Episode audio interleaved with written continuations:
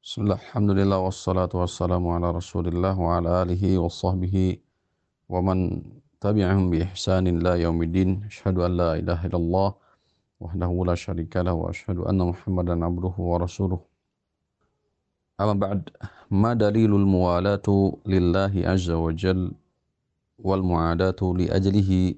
Apa yang menjadi dalil atau dasar loyalitas atau kecintaan karena Allah Azza wa Jalla wal mu'adatu li ajlihi serta memusuhi sesuatu li ajlihi karena Allah. Apa yang menjadi dasar landasan dalil loyalitas seorang muslim kecintaan seorang muslim karena Allah Azza wa Jalla serta dasar memusuhi sesuatu karenanya karena Allah Rabbul Alamin. Wal jawab adapun jawabannya qala Allah Ta'ala Allah Subhanahu wa taala berfirman dalam Quran surah Al-Maidah ayat 51 sampai 55. Ya ayyuhalladzina amanu wan nasara awliya'a ba'duhum awliya'u ba'din wa may yatawallahum minkum fa innahu minhum ila qawlihi ta'ala innama waliyukumullah wa rasuluhu walladzina amanu. Allah Subhanahu wa taala berfirman wahai orang-orang yang beriman janganlah kalian menjadikan kaum Yahudi kaum Nasara sebagai wali sebagai kekasih tempat loyal. Ba'duhum awliya'u ba'din sebagian mereka kepada sebagian yang lainnya. Wa may yatawallahu minkum fa innahu minhum. Barang siapa yang di antara kalian mencintai mereka sesungguhnya dia adalah bagian daripada mereka.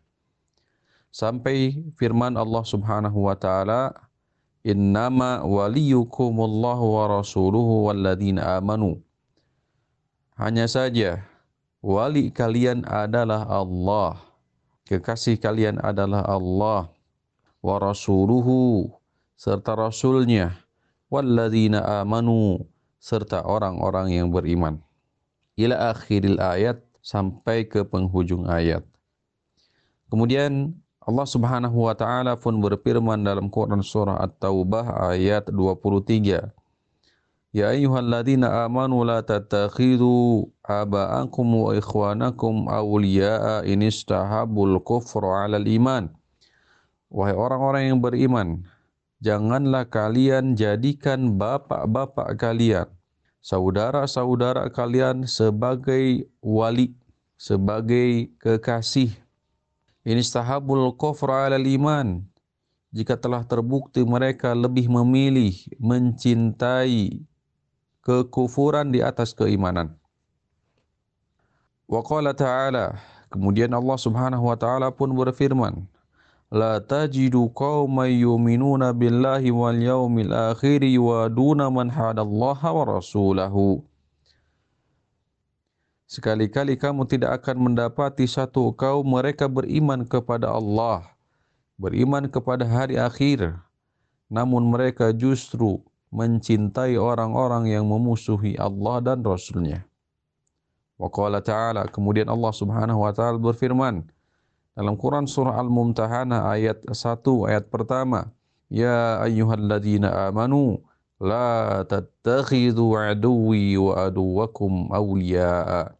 Wahai orang-orang yang beriman, janganlah kalian menjadikan musuhku beserta musuh kalian sebagai wali ila akhir surah wa ghairu dzalika minal ayat sampai ke penghujung ayat dan lain-lain sebagainya dari ayat banyak sekali.